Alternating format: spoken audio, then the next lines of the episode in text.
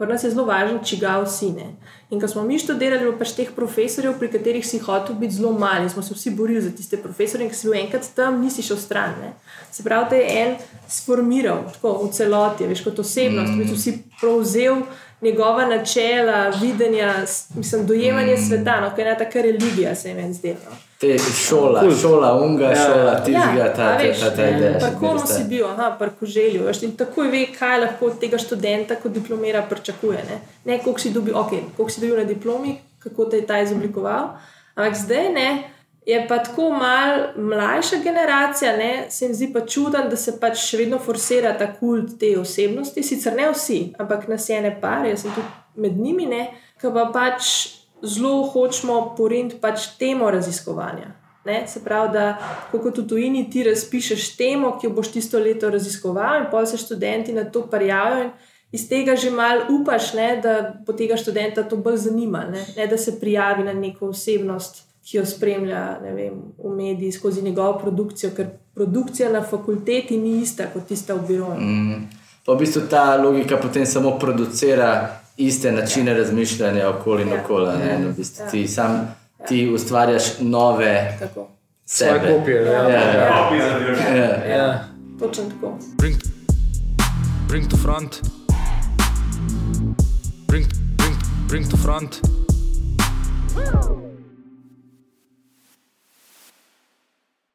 Uh, Živijo, lepo pozdravljeni nazaj v tej posebni epizodi uh, Bring to Front. Uh, gre za serijo epizod, ki nastajajo v koprodukciji s CZK in temeljijo na knjižici Kulturno-kreativni imperativ, ki jo je izdal Center za kreativnost, uredila pa jo je Barbara Predan. Uh, ta knjižica se ukvarja z analizo kulturnega in kreativnega sektorja, ki ga je pripravil Inštitut za ekonomska raziskovanja. Se pravi, gre za serijo epizod, ki bodo pokrivale eh, različne panoge kulturno-kreativnega sektorja, eh, s tem pač bomo probali osvetliti neke te eh, statistične podatke, ki so bili predstavljeni v knjižici, in pa bomo probali govoriti s čim več različnimi ustvarjalci iz različnih področji, ki nam bodo dali mogoče boljši uvid v dogajanje v kulturno-kreativnem sektorju.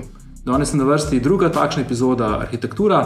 Z nama je Ana Kreč, je partnerica v biroju Svetu Mes in je tudi asistentka na fakulteti za arhitekturo Univerze v Ljubljani.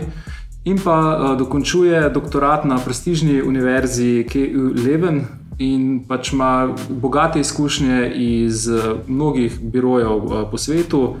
In se nam je zdela idealna sogovornica za, za današnjo epizodo. Tako da, Ana, mi da te lepo pozdravljava in jo fulj veseli, da uh, si si vzela čas in se nam pridružila v, v tej epizodi. Kaj pa so zdaj neke teme, s katerimi se na faksu največ študentov ukvarja?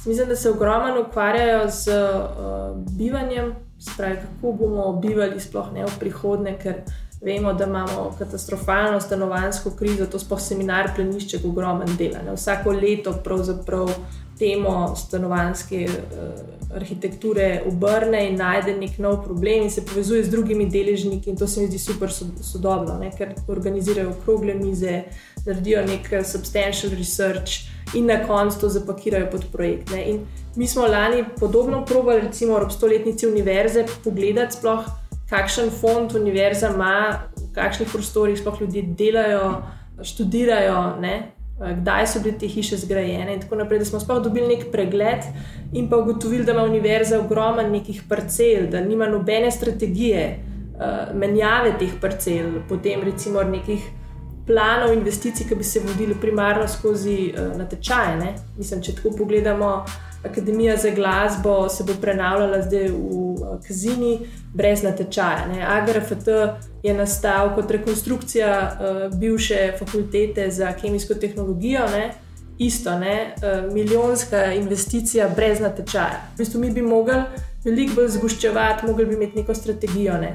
Um, no, to, ne, to je bila tako zanimiva tema. Pol je bil recimo lani ogromno, mislim, na seminar Blenko, ki se je ukvarjal z sustainabilityjem, kako hiše projektirati, da v bistvu lahko cel full life cycle se upošteva vseh 50 let ne, in naprej, ne, kako se jih obrne, da ratajo nekaj popolnoma drugega. Ne.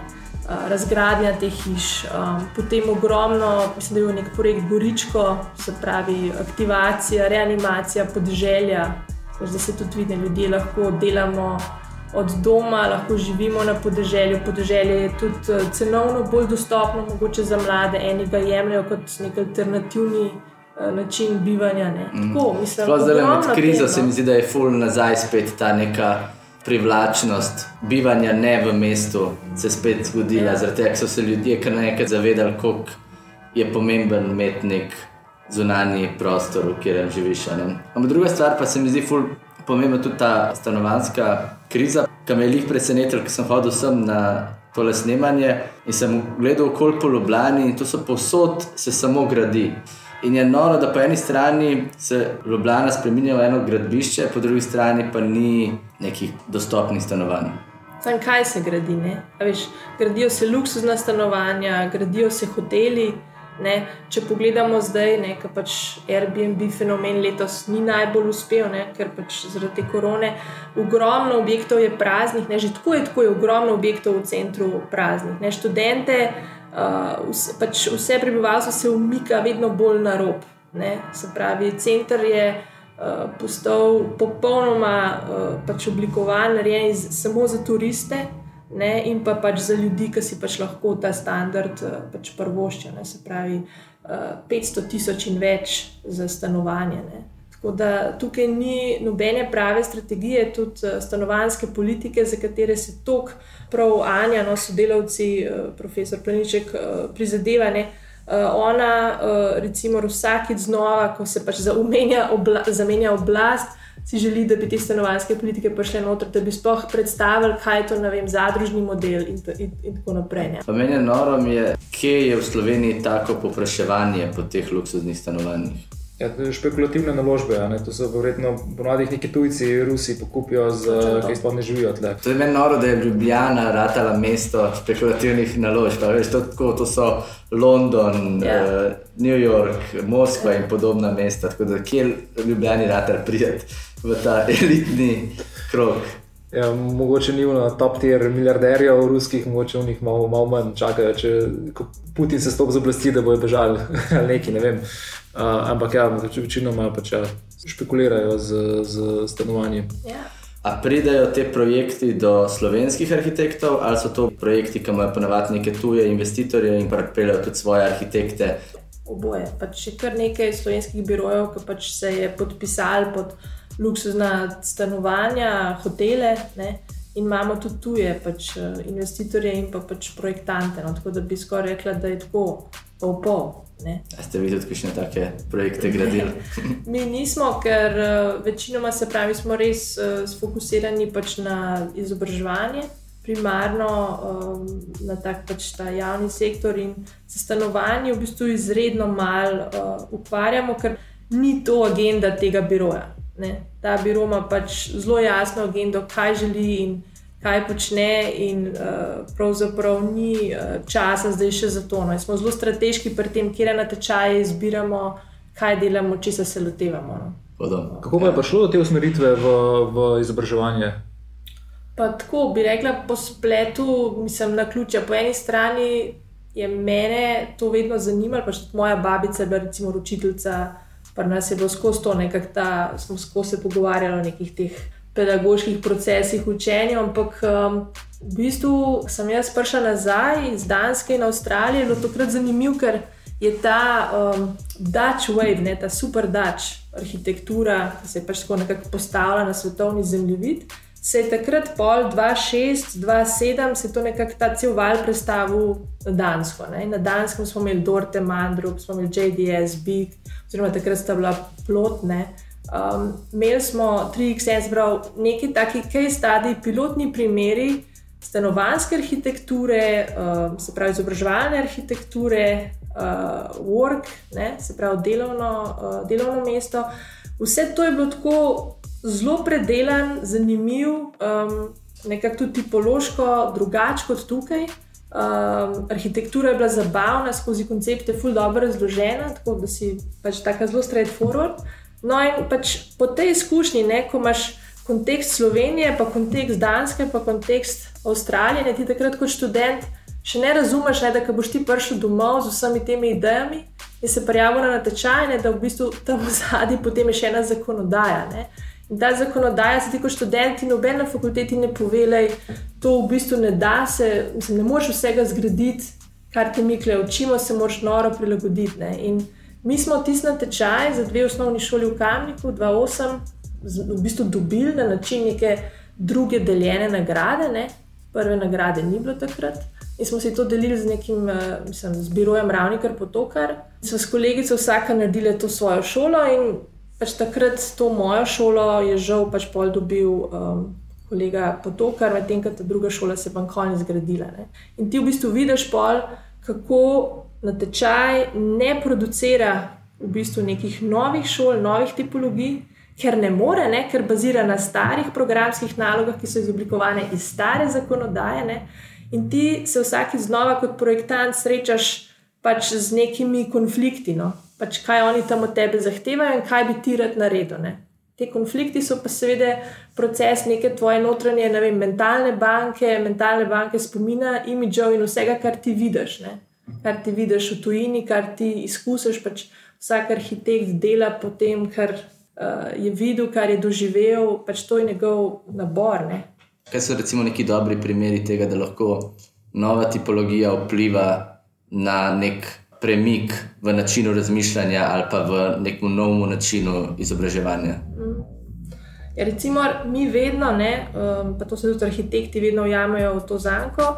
Mi vedno gremo skozi ta model ABC, pri čemer je ta A, ta učni prostor in pri nas ima učilnica pač primatne. To je osnovna oblikovalska enota, s katero vsak arhitekt štarta. Ne? In v bistvu gre pa za nek drug fenomen, ne? in to je, da Učilnica je samo eden izmed možnih učnih prostorov. Ni ta glaven ne? in ne rabimo biti med štirimi stenami, in pa predvsem pač fleksibilnost, mogoče ni odgovor ne? na vse, kar mi pač v neki dani situaciji rabimo. Ne? Ampak mi v bistvu imamo prostorski setting, isti kot smo ga imeli uh, v 70-ih, pa če smo še malo bolj radikalni. Če bi še zašraufali klopi, uh, pa dali učitelj na mečken višji, bi bili že v 19. stoletju. Ne? V šolski arhitekturi je že samo odpreti vhodna vrata z nekim snopom stekla lahko velik problem. Sprav, ker že možno, je že možno, da me ravnatelj nadzoruje med uro, ne? že lahko naredim mimo hod in me že pogleda. Ne? In to je problem tudi seminarja na fakulteti. Ne? Ti imaš te študente not zaprte v svoji sobi, medtem ko svet, ne tako trend, kam gremo, ne? je pa predvsem v povezovanju različnih strok, večjih pedagogov, in včasih je pač fizično treba tudi arhitekturo odpreti, da do teh stikov pride. Zdaj, vprašanje je, kdo bo zdaj koga naprej porinil. Ali bojo pedagogi porinili arhitekturo naprej, ali bo arhitektura pedagoge spravila v tako situacijo, da bodo oni mogli za svoj pedagoški model pač, da bodo pedagoški model prilagodili prostoru. Da, če jih to vprašaš, se bodo zgrozili. Ne? Oni absolutno mislijo, da mora se prostor prilagoditi pedagoškemu sistemu. Ne? Mogoče je nek tak balans. No? Mislim, da se to v arhitekturi po nekem celem spektru dogaja, predvsem v nekih malce bolj progresivnih projektih, kjer se neki trendi recimo, začnejo spreminjati, ker stvari ratajo bolj transparentne, ali več ljudi naenkrat začne delati v enem prostoru. Ljudje to dojamejo kot nek napad na njihovo bivanje. In je tako se mi zdi, da mogoče kaže na nezmožnost prilagajanja uh, ljudi, ker se mi zdi, da se posod kaže na vseh nekih področjih. Mislim, ni najbolj enostavno. Jaz razumem, da eni ljudje so za to, drugi pa niso. Ne?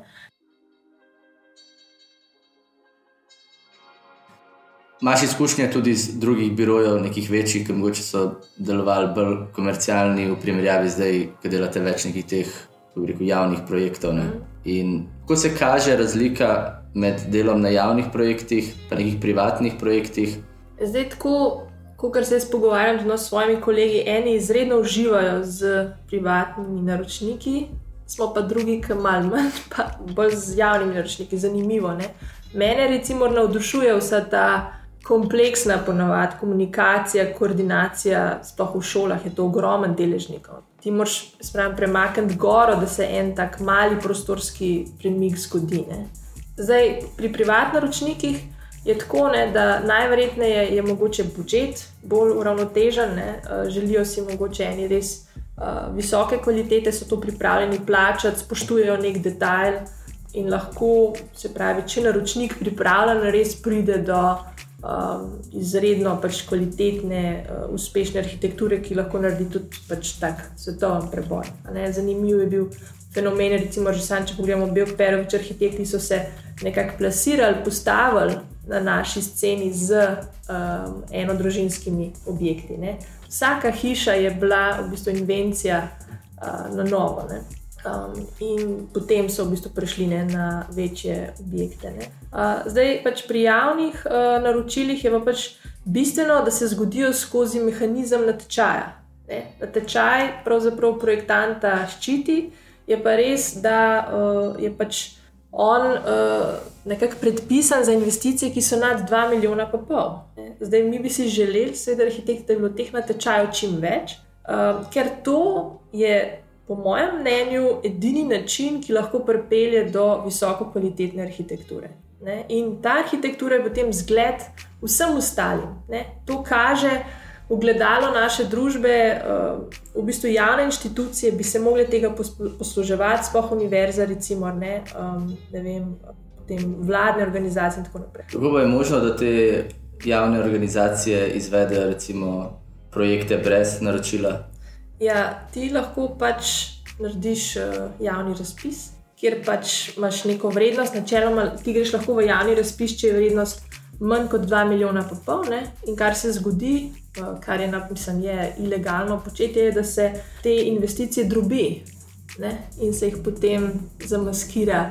Uh, v veliko manjšo vrednost, kot dejansko so. Ne. To se je recimo zgodilo za Expo paviljon, ne, kjer smo se tudi arhitekti uprli, ker ni bilo natečaja. Ne.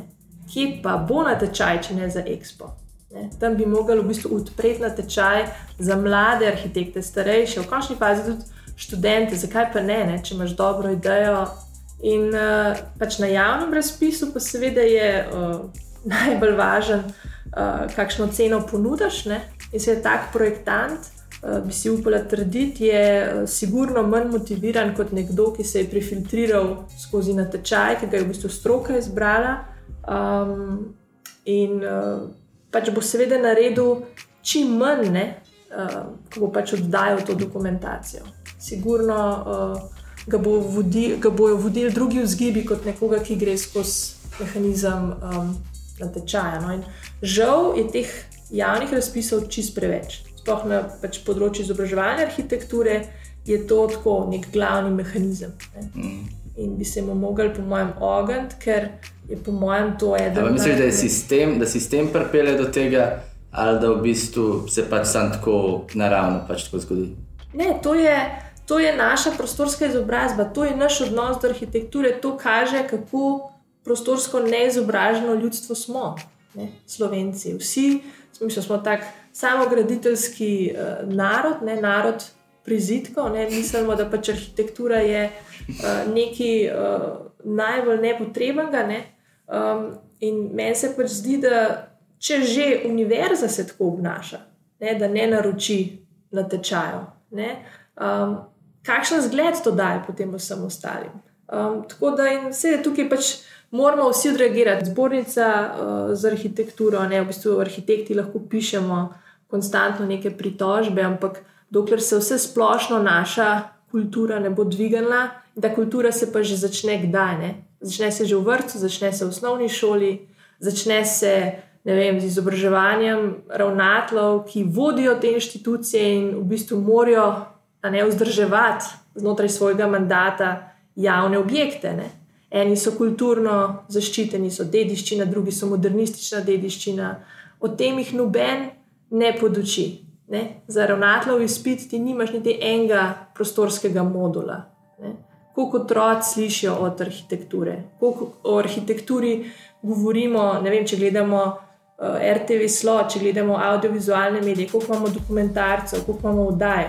Imamo pač neke komercialne oddaje, ne? ali ambienti in tako naprej, ki so izredno popularni, ampak ni to tone, po mojem, da je treba pač oblikovati celno vsetne oddaje. In jaz mislim, da je tukaj priložnost tudi za mlade, pač sploh zato, ker je uh, ni nujno, da pač arhitekt deluje samo v biroju. No. Je izredno pač širok poklic, kjer lahko deluješ od razstav do oddaje, do grafike. Do, ne, še, še. Tle, uh, se referiramo na tole raziskavo, ne v bistvu. uh, med vsemi samozaposlenimi v kulturi je največ, največji delež lih arhitektov. Tudi iz nekih uh, osebnih pogovorov z ljudmi, ki so že študirali arhitekturo, velik izraz to neko problematiko sektorja, da je zelo težko zaštartati, priti v te neke večje biroje uh, in potem se odločiti za neko alternativno kariero. Ne. Že tako mislim, da je bila študija narejena za Anglijo, ne? samo 30 odstotkov arhitektov jih dejansko ostane v uh, tem prav projektivnem ne, delu našega poklica, ne? so v nekih birojih ali pa da ustanovijo svoje podjetje. Ne? Večina jih gre pravzaprav v filmsko industrijo. Uh, za animacije, 3D modeliranje, in tako naprej. Scenografija. Ogromen, ogromen. In to je presenetljivo, in tudi mislim, da zdaj tudi naš dekan je začel to že pa dekan Gabrielči so to začeli že govoriti na naših spremnih izpitih, ne, da v bistvu zelo malo v tem sektorju ostane. Ampak je pa res, da, da arhitektura je izredno široko polje izobrazbe in to se mi zdi ful pozitivno, no, da pač lahko deluješ tako široko. Um, se mi pa zdi, no, da se jih veliko odloči za drugačno pot, prvi zato, ker mogoče tekom študija, ki je izredno dolg in naporen ugotovijo, da to mogoče ni za njih, ali pa so si ta poklic malo preveč romantično predstavljali. Drugo pa je, da je projektivna praksa izredno malo plačana, glede na to, kakšno odgovornost ti nosiš. Sploh, če imaš v bistvu licenco in tako naprej. Že sam, da imaš zavarovanje in aktivno licenco, je tudi nek strošek. Ne?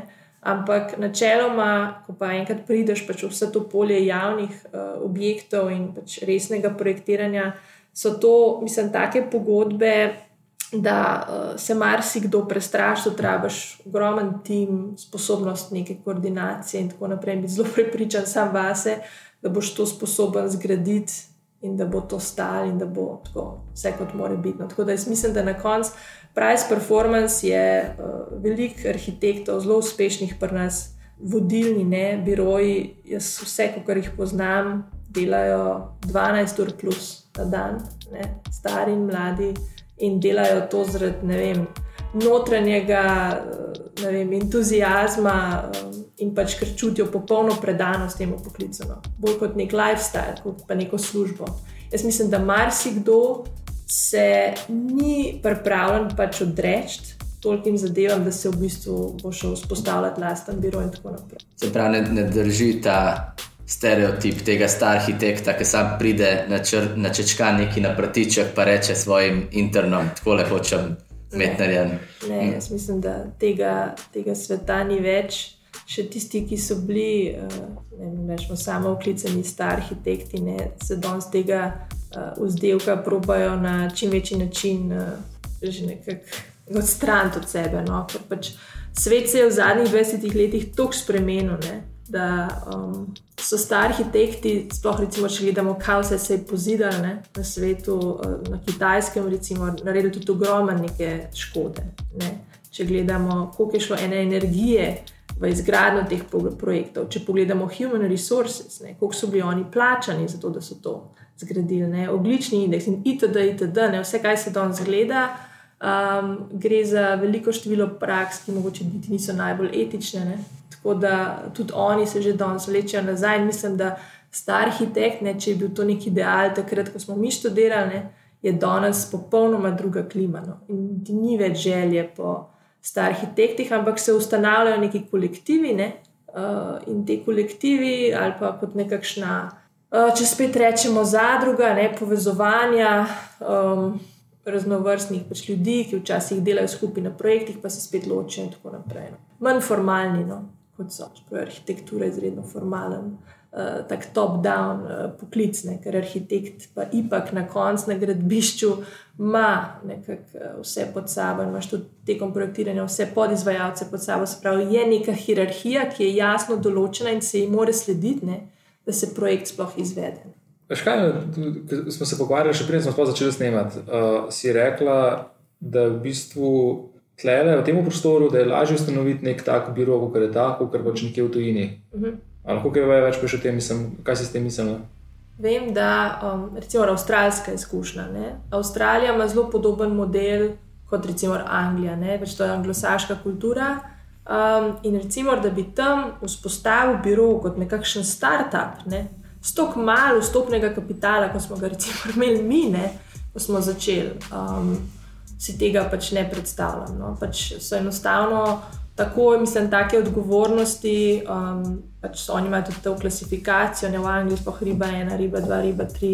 Um, tako da jaz mislim, da v tujini je to veliko težje. No, sploh ta anglosaški svet. Zdaj ne vem, kako je recimo za Dansko. Belgija, vem, da je bolj nam podobna, ampak anglosasi, sigurno. Uh, so do konca zbirokratizirani in je vzpostaviti eno firmo zelo, zelo težko.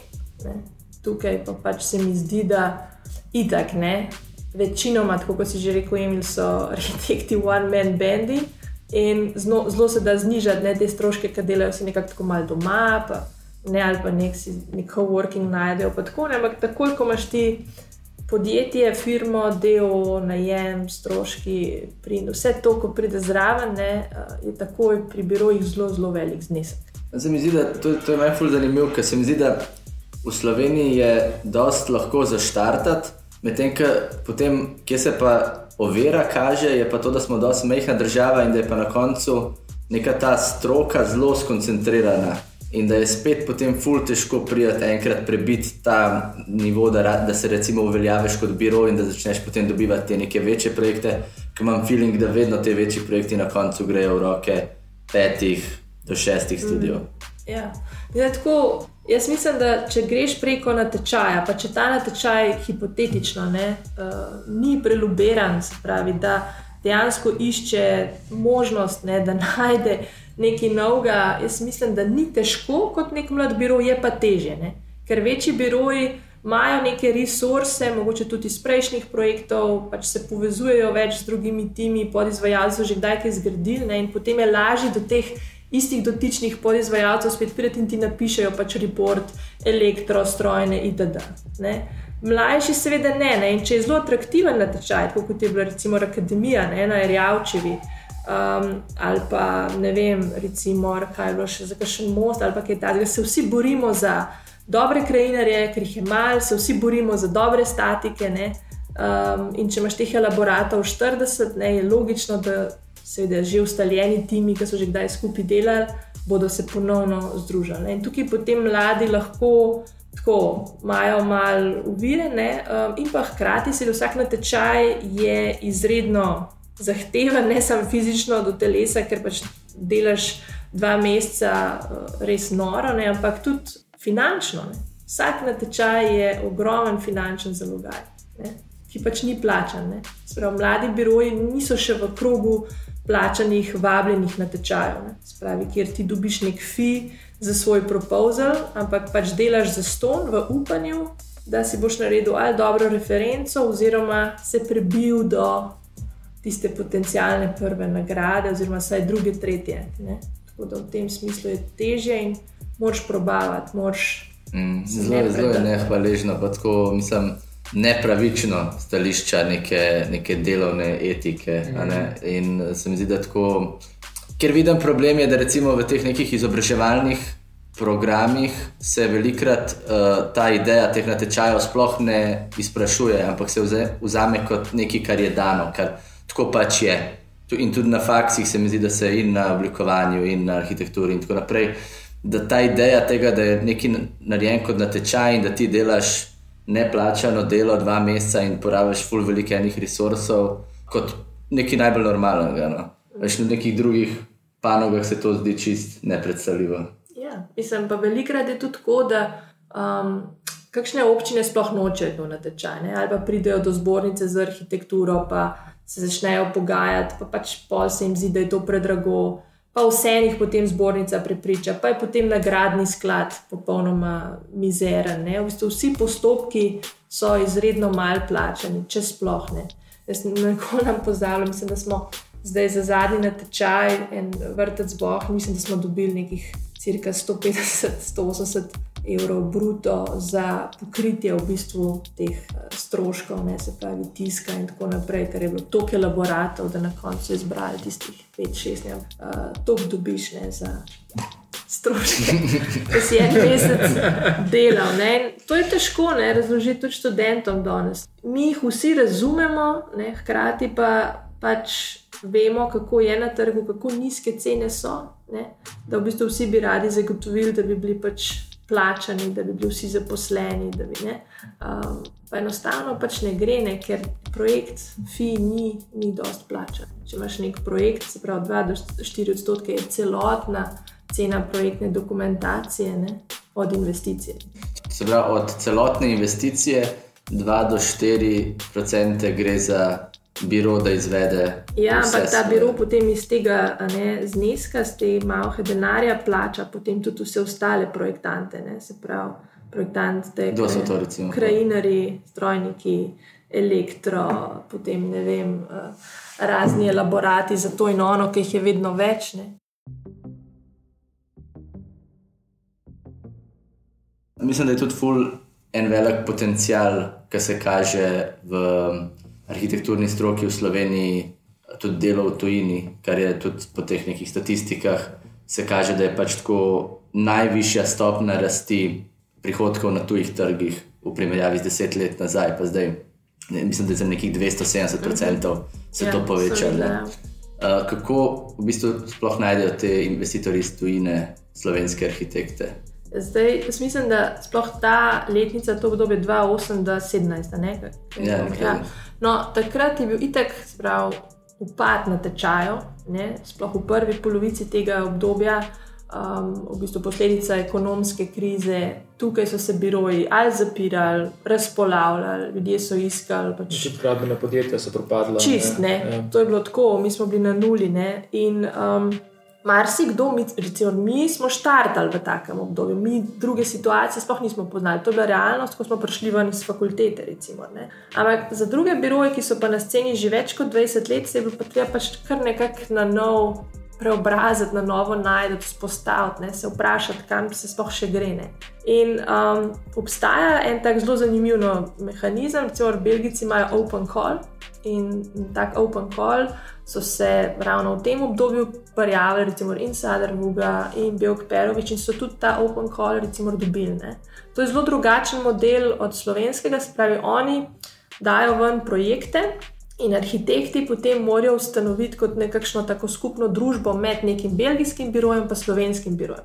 In se povežeš in se prijaviš na določen projekt. In potem oni dejansko pogledajo tvoje reference, pogledajo tvojo motivacijo, ni važno, tudi če si zelo mlad biro, ne, če oni vidijo v tebi nek potencial, ne, te priključijo temu in ti na tak način prideš do projektov. Ne. In recimo Sadar Vuga je tako zgradil SOAK ne, v Gentu, potem je um, recimo Rbel Perovič zgradil Erasmus, ne, uh, šolo v Bruslu in tega je vedno več. Ne. Mislim, da Krušec je bil.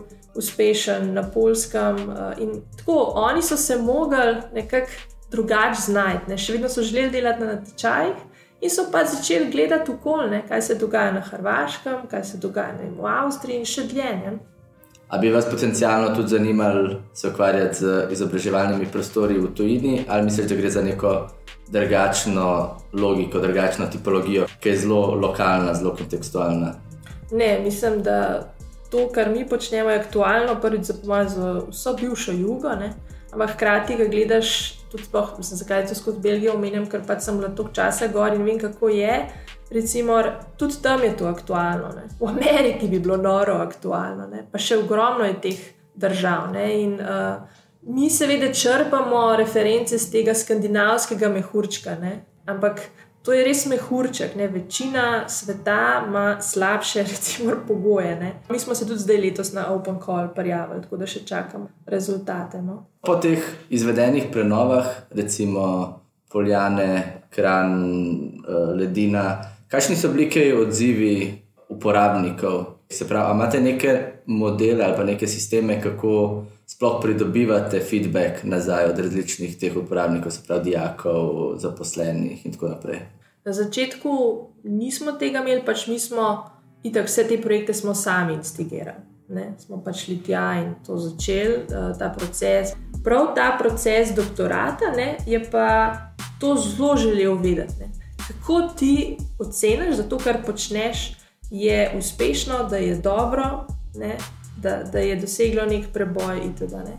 No, in jaz sem recimo to začela, zdaj ne tako, da bi to začela tako kvantitativno meriti, um, sploh ne. Ampak jaz sem pač začela delati intervjuje. Intervjuje z učitelji, intervjuje z učenci, intervjuje z ministrstvom, uh, intervjuje recimo z mestnimi oblastmi in tako naprej. Se pravi, zelo z različnimi deležniki. Ne? Potem se je tudi problematika našega početja zelo nekako razdelila na faze. Ne? Ene so zelo take, ki se ukvarjajo z materiali, z barvami, z samo obliko, če lahko temu rečem, ne? same intervencije. Pravi, to je nekaj, kar uporabnik lahko izrazi, kako on se tam noter počuti. Se, se pogovarjajo z dijaki, primarno govorijo o tem. Ne? In meni je bilo zanimivo, ne, da eni recimo so navdušeni, ne, drugi pa pravzaprav tako uh, si mislijo, da imamo prekratke odmore, da bi sploh lahko v teh prostorih uh, se zadržali. Tako da to kaže pa na sistemski problem, ne, da se pravi, da jim moramo omogočiti več časa. Ampak najbolj, kar mi je bilo všeč, je to, da sploh na ledini, ne, ko se je zgodila tista zelena uh, pokrajina, ne, je en dijak rekel, ne, Mendera v Natlu. A to je pa zdaj dovoljeno. Pač mi smo to zasnovali kot socialni nek prostor za interakcijo in tako naprej. Danes je ta prostor večinoma za počivanje, ne, za sanjarjenje, brskanje po internetu. Oni se vržejo iz hodnika, si vržejo te blazine, se not vržejo jamo in tam noti ljudsko so gasnjena. In to je zdaj tako problem ne, v šolah kot inštituciji. Ni dovoljen, da je tema načeloma. Ni dovoljen, da ti spiš, ni dovoljen, da ti nekaj tam ležiš in tako naprej. In to so bile pa ene take stvari, a to nam je pa zdaj dovoljen. Ne? Ja, je ne. Tako da jaz sem ponosna, da naslednja generacija, ki bo prišla, ne? tista, ki bo kar s tem že živela, tista, ki bo tako šolo vstopila, bo pač rekla: Ja, seveda, to je normalno, prva pa ni. To je bilo tako, no, preboj pač pri dijakih in to je bilo večinoma skozi intervjuje. In to so bili intervjuji, ki niso imeli zaprtih takih vprašanj, ampak pač odprte, no, da so se oni lahko razgovorili. No, in teh dijakov je bilo kar veliko. Um, učitelji, isto, eh, podobni intervjuji, ampak tam je bila druga dinamika pogovora. Tam so bile skupine, načini poučevanja, ali bi se v teh prostorih lahko tudi poučevali. Ne um, z, da v bistvu to prostori niso namenjeni njim, ne, a pa bi mogli biti, da bi si mogli jih deliti in tako naprej. Ko se pogovarjajo z ravnateljem, se govori o financiranju, se govori o sistemu, ki je bolj kot ne nacionalen, kje je problem, kako lahko tako zadevo sfinanciraš. Ko pa ministrstvo se pa pogovarjaš o zakonodaji, pa kako lahko tako intervencijo sploh spravaš, da se ona zgodi. Se pravi, pri nas ni tako mogoče bistveno, da je ta intervencija nek tak state of the art, ne vem kako, wow, projekt, bolj je važen, da sploh do tega projekta pride, da ti omogočaš, da se to zgodi. In s tem, ko omogočaš, da se to zgodi, lahko drugi arhitekti, drugi biroji pridejo in verjamejo, da to tudi lahko počnejo. Se pravi, da je to možno, ne? da to slovenske šole imajo in da lahko na tak način delaš. Kaj pa se ti zdi, da mogoče lahko pride do problema tako nekega tega overdizajna prostora, ki fulbol strukturira samo vedenje pa ljudi, ki ga, ki ga uporabljajo? Ja, mislim, sigurno ti z neko formo, z neko barvo na nekoga eno svojo odločitev dobesedno preneseš. In ta prostor je loaded, je poln enih informacij. Zakaj je ta prostor tako loaded, sploh ti naši projekti ali z vidika oblike, grafike, barve in tako naprej, ker on ta prostor, ki ga imamo, hoče biti tako kontrasten vsemu ostalemu, kar mi v bistvu doživimo znotraj te inštitucije, znotraj teh pastelov, enolične opreme. Pač nekaj, kar te predrami, nekaj, kar te uh, dobesedno uh, zbistri, razveseli. Vem, lahko pride do nekega čistega heterotopičnega momenta. Zelo široko, kako si to pač razlagajo. Ne? Je pa fajn, če je ta prostor bolj tako, kot pravi Herzberger, polivalenten, da imaš ti neke, ne vem, ali imaš neke kocke, ali da imaš neko topografijo, ali da imaš nekaj, ki te spodbudi, da na to odreagiraš. Se pravi, prostor, ki žgečka, prostor, ki te pokne, no, ki te, veš, nekaj hoče od tebe in ti na to odreagiraš. Vsak po svoje. Ne? In pol hiša živi, mi pa se ne ukvarjamo več, kaj oni iz tega naredijo. Se mi zdi, da to je njihova svoboda.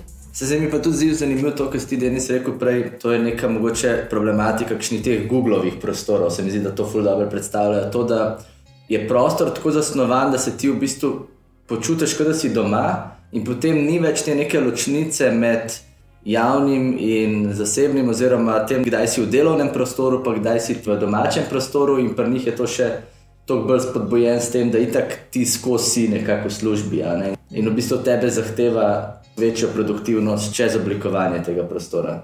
Ja, tudi zabriše se meja. Če si tam, če se počutiš na pol, kot doma, v službi se pa tudi verjetno doma počutiš, da si na pol v, v službi, ne pač eh, gre v obe smeri. Ja, po mojem, tudi podzavestno začneš ful več časa preživljati v službi. Zdaj so že tako daljši, da so celo neke vrtove in gor naredili, pa tako smo kar svoj vrtiček. Pa so bili eni, ki so imeli blazen odpor do tega, pa drugi, ki so pač temu predane. Ampak, a ni tako, jaz ne vem, kako vidva to vidite, no pa me to res zanima, ampak da se svet itak zdaj na vseh področjih nekako spremenja, ne, ta zga mrežnega, ne, da v bistvu ni več teh ločnic. Vse tudi, ki si doma, pravzaprav počneš še tisoč drugih stvari, zdaj, ne, ko delaš na računalniku, zavleče se ti delo, ker do enajstih. Nekako ne, nismo več tako strukturirani v neke celice, v neke hierarhije, vse postaja ena taka, tak network vseh situacij, družen, dela, počitka. Ne? Ne vem, mislim, da je to zdaj tak trend, ki ga gledamo lahko kot nek družbeni fenomen in se zato odraža v arhitekturi in se bo odražal v oblikovanju. In po mojem, uh, ja, gremo tako. Mene skrbi samo pri tem, da potem rataš full zmeden. Da ne veš več, kje si. Ker naenkrat je šola, isto kot delovni prostor, isto kot dom, isto kot javni prostor, in potem Prej, prej si imel neke vzorce, ki si tudi, če se nisi s tem ful ukvarjal, si vedel, kaj od tebe pričakuje ta prostor, ne, neke, neke norme. Uh, Medtem, ker zdaj se lahko te stvari, pa to mogoče kar nekaj imam nek konzervativen uh, pogled na to. Ampak se mi zdi, da velikrat zaradi tega lahko si mal zgubljen. No, nekem... Iz nevrotikov smo spremenili v schizofrenike. Ne? Recimo, ja. Vse to hkrati. Ja, ne, mislim, sigurno ja, gremo v to neko mrežno, mrežno strukturo življenja. Sam se mi zdi mogoče tudi problematično iz tega vidika, da se skozi to mrežo zakrijajo neki zelo hierarhični odnosi družbene, ki so še zmeraj pač prisotni. Ja, ja, ja. In potem je ful teži pokazati, kdo je kriv za to. Uh, in se vedno bolj ta krivda, čuti krivda, mogoče sel na, na neko to interno, ponotranjšega bolj. In tleh je pol, pač zdaj mislim, da je to mogoče največji problem tega. Pa mogoče drugi največji problem je pa to, da smo sleeping pod v pisarni, ne kaj tako na polka doma, bo šel kaj pol, ki imajo v hotelu park, ki je že. Ja, mislim, da res. Ja, ja. Sleeping pod. Ja, ja. No, to je pa druga problematična stvar. Mislim, imam, da to, kar ti ne, ne da si konzervativen, ne vem, to, kar si rekel, ampak pač vedno bolj se bomo, po mojem, mogli boriti za to svojo zasebnost. No? Ta veš odmik. Uh, v pač nek tak svoj svet, neko refleksijo, da se boš mogel pač tudi umiriti, malo um, odstraniti od tega konstantnega javnega performansa, zdaj pa pač aj to tako, kot se zdaj pogovarjamo mi, ali je to. Uh, vem, na Insta, na FB, itd., na vseh teh možnih uh, socialnih omrežjih, kar naprej imamo ta public display. In uh, gre pa po mojem čisto za neko dialektiko, ne? se pravi, posameznika in družbe, kolektivnega. Ne, zdaj se skozi poudarja kolektivno, ampak tukaj je vedno ta antipod tega zasebnega, ki je isto pomemben. Ne. Tudi na koncu umremo sami, ne, če smo zdaj super dark, ne, da zaključimo ne, življenje in smrt. Mislim, vedno je ta tako. Jaz mislim, da sta te dva pola, med katerimi vsi skozi nekako eh, potujemo in enim bolj sedi, drug, drugim pa obratno. Ampak sta pa nujna, jaz mislim, oba sta super nujna. Zdaj, ko smo v izolaciji, pogrešamo kolektivno. In ko je kolektivnega preveč, nujno pač rabimo izolacijo, da sploh lahko to prenesemo, po mojem. Ja, res, res je. No, tle se mi zdi tudi odličen zaključek tega. Dobro, zelo filozofirano. Ja. Dobra debata. Mhm, zelo. Uh, hvala, Ana, ki si bila z nama. Hvala vam za povabilo. Uh, upam, da ste poslušalci kaj izvedeli o tem sektorju. Um, več si lahko preberete, valjda v tej knjižci. Um, kot vedno, mi se poslavljava, hvala Lukatu, Levanilu, hvala Tamari, ki nam je pomagala s tem. Um,